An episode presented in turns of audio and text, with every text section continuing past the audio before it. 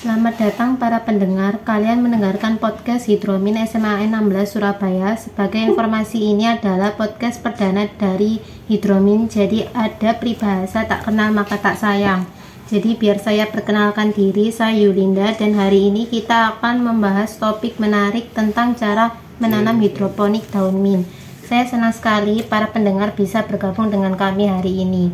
Untuk memulai, mari kita bahas apa itu hidroponik. Hidroponik adalah metode menanam tanaman tanpa menggunakan tanah, melainkan memanfaatkan media air yang diberi nutrisi. Nah, daun mint adalah salah satu tanaman yang sangat cocok untuk ditanam secara hidroponik. Buat yang belum tahu, daun mint biasanya digunakan untuk memberi aroma segar pada makanan dan minuman. Pada hari ini, narasumber kita yang akan menemani kita yang tahu banyak soal hidroponik hidroponik ini terutama hidroponik tanaman hijau ini ya ini dia Raka. Betul sekali Yulinda. Halo perkenalkan juga para pendengar. Saya Raka dari SMA 16 Surabaya. Bakal ngasih tutorial dan tips nih ke para pendengar sekalian. Daun mint sangat mudah tumbuh dalam sistem hidroponik ya teman-teman. Pendengar sekalian jadi bisa kalian tanam di rumah kalian. Dan pastinya ini edukatif banget loh. Oke langsung aja kita ke tutorialnya Pasti para pendengar udah nggak sabar kan? Pertama-tama kita perlu mempersiapkan beberapa bahan dan peralatan kayak gunting, pisau atau cutter, dan tentunya bibit hidroponik hidroponiknya. Teman-teman,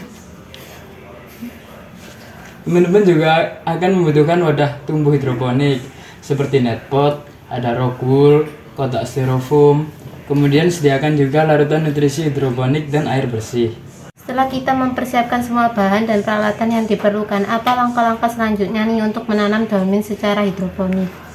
Setelah itu, Anda bisa menyiapkan wadah tumbuh hidroponik. Letakkan bibit ke daun mint pada rohul dulu. Buat penyemaiannya disiram sama air bersih, terus didiemin aja di tempat yang kena sinar matahari. Kalau bisa sinar matahari pagi, biasanya jam 6 sampai 10-an lah ya.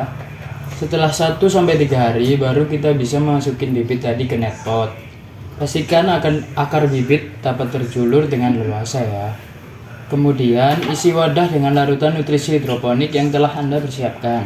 Larutan nutrisi ini akan memberikan semua nutrisi yang diperlukan bagi, bagi pertumbuhan tanaman ya teman-teman. Lalu bagaimana cara memberikan nutrisi dan air pada tanaman mint secara hidroponik?